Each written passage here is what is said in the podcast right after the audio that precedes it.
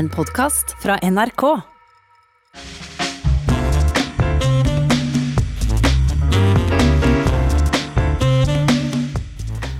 Jeg så et tid for å ønske Dagfinn Høybråten velkommen hit til Stanghelle på fredag. Takk for det. Et uh, kjent navn er du for svært mange av lytterne, som mangeårig politiker med lederverv i Kristelig Folkeparti som det gjeveste, kanskje. Etter det ble det toppjobb i Nordisk råd, før du nå er sjef for Kirkens Nødhjelp.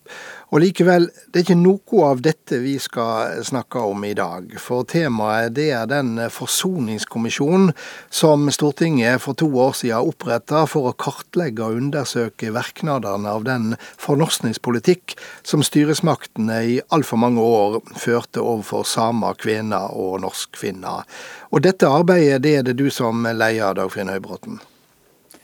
Det er det. Eh, Stortinget har eh, jo muligheten til å oppnevne granskingskommisjoner etter sitt regelverk. Og, og de kom til i 2018 at fornorskningshistorien og uretten begått overfor samer, kvener og norskfinner burde granskes på denne måten. Slik man har gjort med hemmelige tjenester og Scandinavian Star osv. Så, videre, så er det nå fornorskningspolitikken som er under lupen.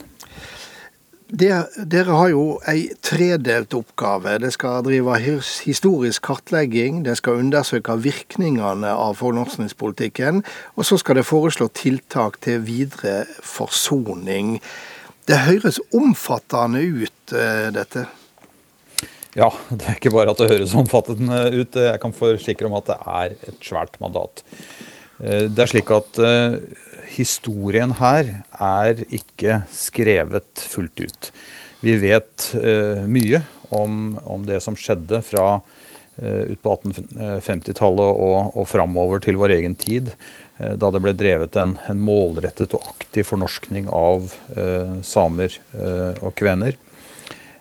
Men vi har allerede avdekket mange kunnskapshull og behov for å fylle ut, ja faktisk eh, skrive deler av Norges historie på nytt. Altså, Kommisjonen din har fått den, det offisielle navnet Sannhets- og forsoningskommisjonen. Og det er jo et, et voldsomt navn, altså sannhet og forsoning. Det er kanskje noe vi assosierer med sørafrikansk apartheidstyre og forsoneren Nels Mandela.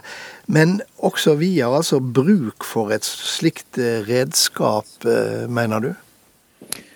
Ja, eh, Stortinget mente det da de satte dette navnet på kommisjonen. Og, og mandatet handler jo om å bringe sannheten på bordet. Hva var det som skjedde da, da myndigheter, skoleverk, kirke og andre eh, samfunnsaktører bevisst gikk inn for å, å fornorske eh, et urfolk og, og minoriteter? Eh, og eh, vi har jo i denne kommisjonen sett hen til internasjonale prosesser.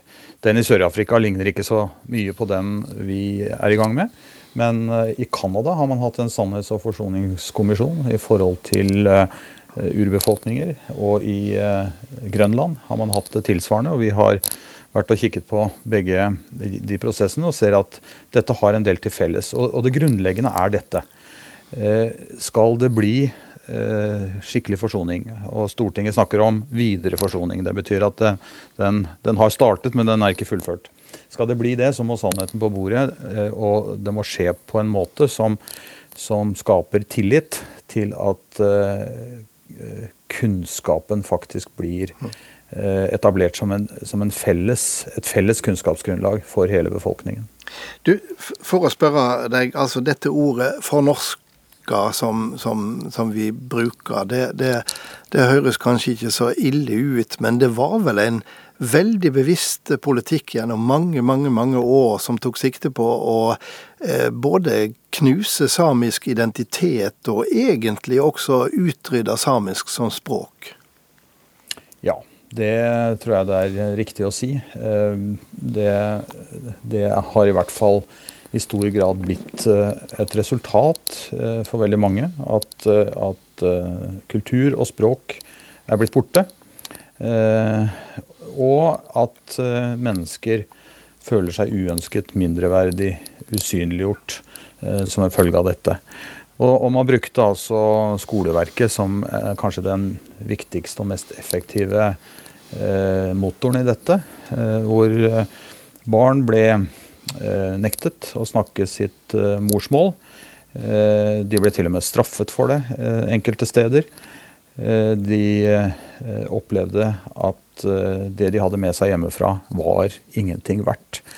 Og vi, den måten vi arbeider på, er at vi vi bruker eh, tilgjengelig forskning, vi gransker arkiver, bygdebøker, men vi intervjuer også folk, og vi samler inn personlige historier. Og disse personlige historiene er, er veldig talende om hvor, hvor, sterk og effektiv den fornorskningspolitikken har vært, og hvordan den kaster skygger langt inn i vår egen tid. Altså, Sluttrapporten den skal leveres til Stortinget 1.9.2022, hvis jeg ikke tar feil. Altså er det omtrent halvveis i arbeidet. Hva, hva er inntrykket så langt, utover det du, du alt har nevnt? Ja, det er eh, Hvis vi tar, tar det historiske bildet først, da, så kan vi si at eh, vi, jeg tror det er riktig allerede nå å, å si at vi kommer til å dokumentere og fylle ut huller i den norske historien som må, må fylles ut.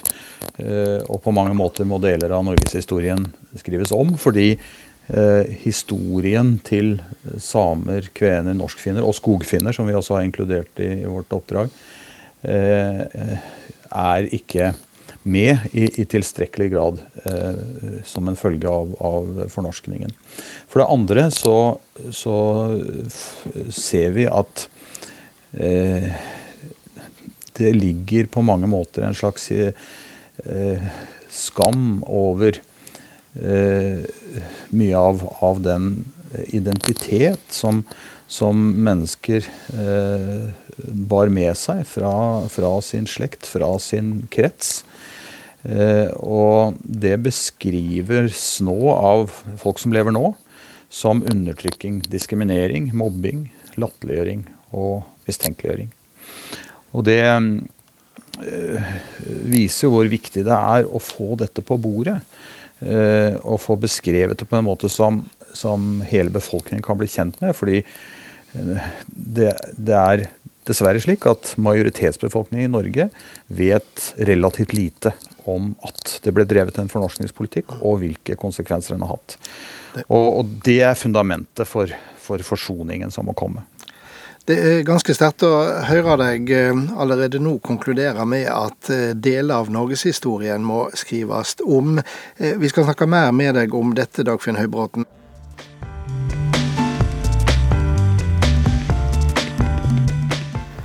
Du er fremdeles med, Dagfinn Høybråten, og det er som leder for den undersøkelses- og forsoningskommisjonen som nå gransker følgene av den fornorskningspolitikk som styresmaktene i så mange år førte overfor samer, kvener og norskfinner. Del din historie har det oppfordra til. Og jeg har lyst til å spørre deg, er det mange som har tatt kontakt og gjort akkurat det, altså delt sin historie? Ja, det er det. Vi har vel per nå eh, mottatt historier fra nærmere 300 personer om konsekvenser av fornorskningen som de selv og familiene deres har opplevd. Eh, og I tillegg til det så jobber vi målrettet med å dekke kunnskapshull ved å, å intervjue eh, folk på ulike temaområder. Så vi opplever et stort engasjement rundt dette og en, en vilje til å, å fortelle. Samtidig så er det smertefulle eh, fortellinger som kommer fram. Eh, og vi er oss eh, veldig bevisst at vi skal forvalte dette med, med stor ensomhet, og selvfølgelig med den konfidensialitet som, som, en slik deling av personlige opplysninger krever. Hva er det som har gjort sterkest inntrykk på deg? Det er nok eh, fortellingene fra de som vokste opp i 50-60-årene, og som eh, sier at de snakket samisk hjemme. Eh, de kom på skolen og ble, fikk beskjed om at her gjelder det bare norsk. Og hvis de snakket med kameratene sine om, på, på skolen på sitt morsmål, så ble de straffet for det en, kvensk, en mann med kvensk bakgrunn som forteller at det eneste han husker fra, fra skolen, var at han uh, var, var skammekroken. Uh, og at han første skoledag sto med en lapp i hånda fra moren, for han kunne jo ikke norsk. Og på skolen fikk han ikke snakke kvensk. Så, um, han var dømt til taushet? Han var dømt til taushet, og han var dømt til å skamme seg over sin bakgrunn, sin kultur og, og sitt språk. Uh, og det, det, er en, det, er flere generasjoner som, som, nå er borte, som har opplevd dette. Men det, det, kaster skygger langt inn i vår egen tid. Og Derfor er det jo veldig flott å se lyspunkter som, som, som nå kommer i en ny generasjon, som, utviser en, en, stolthet over sin bakgrunn. Altså, Bandet Isak som vi hørte her, er jo et uttrykk for det i, i populærmusikken. Og helt nylig så opplevde vi jo på, i beste sendetid på NRK, Dagsrevyen, Anders Boine Wærstad, eh, sportsreporter, eh, rapporterer på nordsamisk med norsk undertekst. Og skapte med det en liten revolusjon i, i, statskringkastingen ved å eh, faktisk få gjennom at det er helt greit å jobbe på samisk, selv om du ikke er en del av eh, Sameradioens sendinger. Ja, og det han snakka om, det var faktisk Martin Ødegaards nye tilværelse i Arsenal, så det hadde lite med reindrift å gjøre. Ja, og der eh, tror jeg at, at eh, Boine Wærstad skapte en, som sagt, en liten revolusjon. Og det er et uttrykk for at noe skjer. Eh, og det skal vi eh, fra kommisjonens side være med på å eh, skape et, et, grunnlag for fremover. Fordi Eh, vi i dette landet eh, har vi gått glipp av så mye. Eh, både språklig og kulturelt, ved at urfolk og minoriteter har blitt undertrykket på sin identitet. Og, så det er ikke bare disse folkene som har tapt, men, men, hele Norge har tapt. Og Det er derfor jeg snakker om at vi må utfylle det bildet av, av hva Norge er, og, og, og, hva vår historie er. Men du, du, du sa for litt siden at eh, følgene av den fornorskningspolitikken har kasta skugge langt inn i vår egen tid, både i i eh, den enkeltes eh, personlige liv og, og, og, og, for oss som samfunn. Og så seint som i fjor så eh, sa kong Harald at sitat fornorskningspolitikken var fæle greier, slett ikke bra i det hele tatt. Jeg trodde i min naivitet at dette lå langt tilbake i tid, men det gjorde det jo slett ikke. Sitat slutt. Tror du ja. at mange nordmenn deler denne oppfatninga og har vært overraska over at det ligger så nær oss? Ja, det tror jeg. Jeg leste jo det sitatet i den boka du har skrevet uh, med, med, med, kongen. Og, og jeg syns det er et veldig representativt uttrykk for det vi møter blant, blant mange i majoritetsbefolkningen. Det er ikke det at de er sterke tilhengere av det som har skjedd, de bare vet ikke hva som har skjedd. Eh, eller de aner det bare. Eh, og vi tror jo eh, i, i den kommisjonen jeg leder, at det å bringe på bordet både historien, men også de konsekvensene som, som både enkeltmennesker, familier og grupper har lidd, at det er viktig for forsoningen. det er ikke bare viktig for de gruppene som er direkte berørt, men det er viktig for oss alle. Og helt til eh, slutt, Dagfinn Høybråten. Eh, hva håper du kommer ut av arbeidet i kommisjonen? Blir stående at er det ei gigantisk voksenopplæring av den norske majoritetsbefolkninga som eh, kan komme ut av dette? Ja, det er i hvert fall det. Men skal man komme videre i retning forsoning, så må det jo være en, en situasjon der det er større språklig og kulturelt likeverd Eh, mellom majoritets- og minoritetsbefolkning. Felles kunnskapsgrunnlag. En erkjennelse av at eh, fornorskningspolitikken hadde negative konsekvenser. Og en respekt og tillit til eh, andre mennesker, og, og en tillit mellom folk og de sentrale politiske institusjonene. Oppnår vi noe av dette, så tenker jeg at vårt strevsomme og langvarige arbeid ikke har vært forgjeves. Resultatet kommer i september neste år. Lykke til med resten av arbeidet, Dagfinn Høybråten, og tusen takk for at du ville være med på å snakke om dette like store uh, som vanskelige temaet.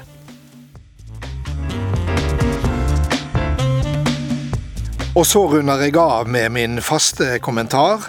Her er denne vekas Stang inn, stang ut.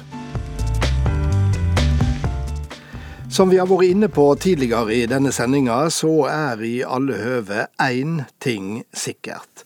Erna Solberg kommer ikke til å glemme feiringa av sin egen 60-årsdag. Eller rettere, hun kommer ikke til å glemme følgene av at den ble markert på et vis som var i strid med de strenge smittevernreglene hun så manende har oppfordra oss alle til å følge.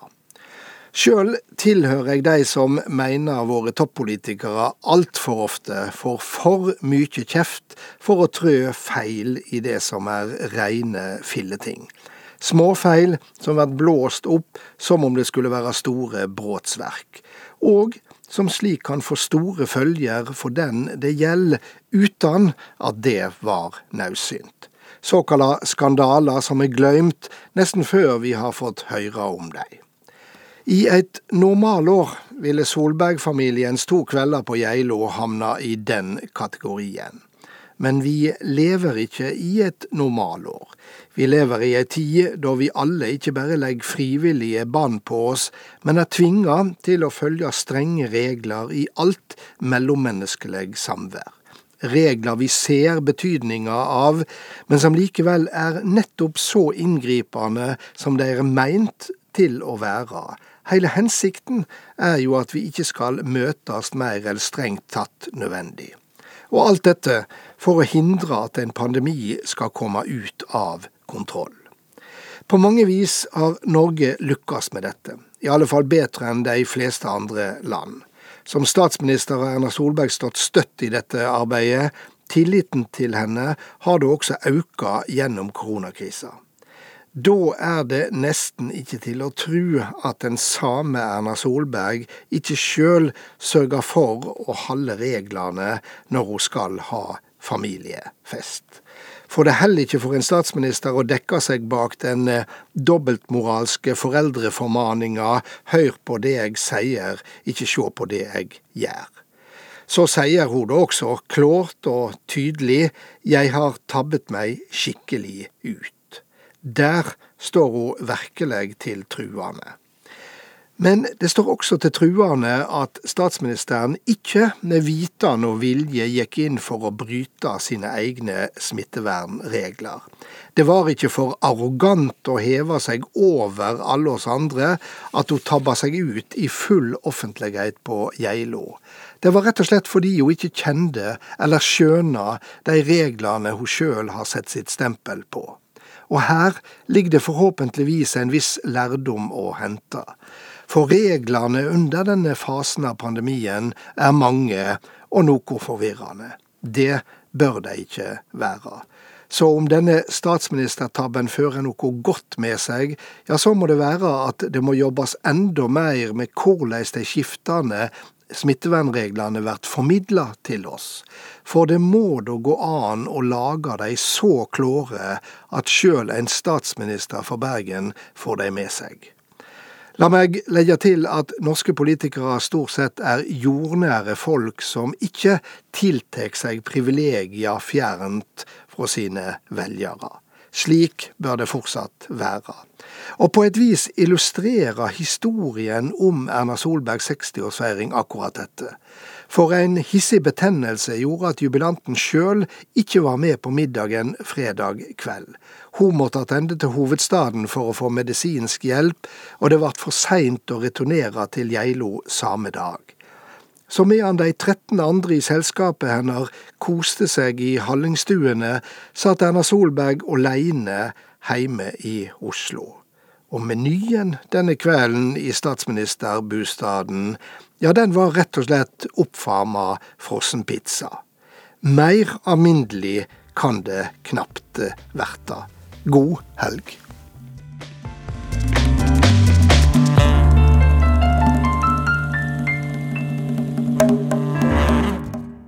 Du har hørt en podkast fra NRK. Hør flere podkaster og din NRK-kanal i appen NRK Radio.